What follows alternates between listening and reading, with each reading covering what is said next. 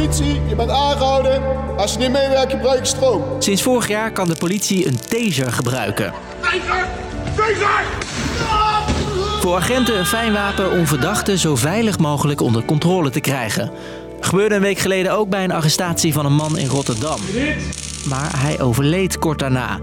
Heeft de taser daar iets mee te maken? Dat wordt volgens de politie nu onderzocht. Heeft de taser gewerkt? Waarom heeft hij niet gewerkt als hij niet heeft gewerkt? Hoe werkt zo'n taser? En mogen agenten hem zomaar gebruiken? Ik ben Jasper en dat leg ik je uit. Lang verhaal kort. Een podcast van NOS op 3 en 3FM.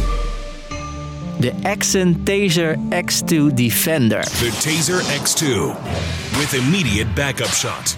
Ook in Nederland gebruiken agenten dit stroomstootwapen. Het is eigenlijk een soort pistool, maar dan geel en van plastic. En er komen geen kogels uit, maar twee pijltjes. Daarmee kunnen agenten iemand tot 8 meter afstand raken. De pijltjes blijven hangen in je kleding of huid en knallen zo'n 50.000 volt door je lichaam. Even ter vergelijking, op je stopcontact thuis staat 230 volt. En ken je dat stroomdraad dat veel boeren gebruiken om hun grond heen? Daar staat tussen de 2000 en 10.000 volt op. Terug naar die taser.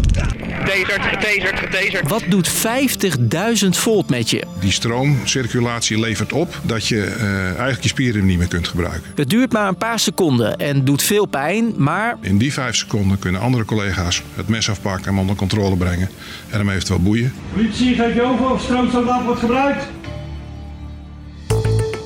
De kans dat je iets aan zo'n stroomschok overhoudt is volgens de politie klein. In ieder geval minder letsel dan wanneer er een hond uh, naartoe moet. En zeker minder letsel dan wanneer we het vuurwapen moeten gebruiken. Je hoort een agent die in 2017 als een van de eerste een taser gebruikte. De wapens waren toen nog niet ingevoerd, maar hij deed mee aan een proef van de politie. Hij ging af op een melding van een 13-jarige jongen met een mes. Toen de agent aankwam, liep de jongen met het mes op hem af. Iemand met een mes in een kleine ruimte. Daar hebben we helaas eh, genoeg voorbeelden van dat dat heel gevaarlijk kan zijn, ook voor de politie. Dus greep hij naar zijn taser en kon hij de jongen naar de grond werken. Mensenrechtenorganisaties gaven kritiek. Moet de politie zo'n wapen wel tegen een kind gebruiken?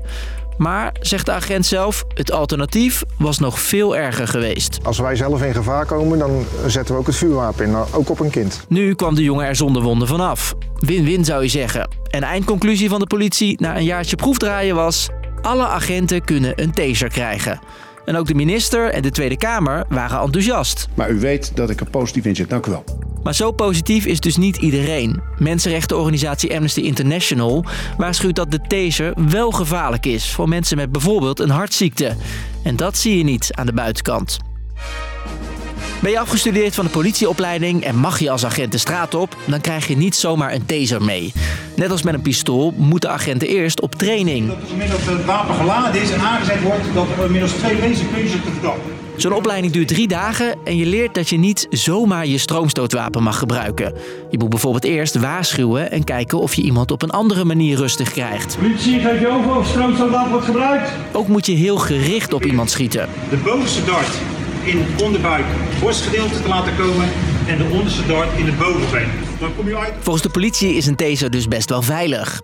Gaat het wel mis, bijvoorbeeld na de arrestatie van de man in Rotterdam, dan wordt de Rijksrecherche ingeschakeld. Wij doen eigenlijk onderzoek naar mogelijke strafbare uh, feiten gepleegd door ambtenaren, die vooral die integriteit van die overheid ernstig aantasten. Je hoort Annika. Zij vertelt over haar werk bij de Rijksrecherche in de podcast van het OM. Op het moment dat bij een optreden van de politie iemand uh, ernstig gewond raakt of overlijdt, dan komt de Rijksrecherche ter plaatse om onderzoek te doen van, van wat er gebeurd is. De Rijksrecherche staat los van de politie. Ze zijn onderdeel van het Openbaar Ministerie, zodat ze onpartijdig kunnen kijken wat er is gebeurd.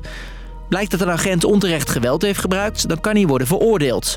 Of dit bij de zaak in Rotterdam zo is, wordt nog onderzocht. Dus, lang verhaal kort. Sinds vorig jaar kunnen agenten een taser gebruiken. Volgens de politie het ideale wapen om iemand veilig kort uit te schakelen. 100% veilig is het niet en daarom mogen agenten de taser niet zomaar inzetten. Raakt iemand door de politie gewond, of nog erger, dan onderzoekt de Rijksrecherche of agenten de regels volgden. Was de podcast weer.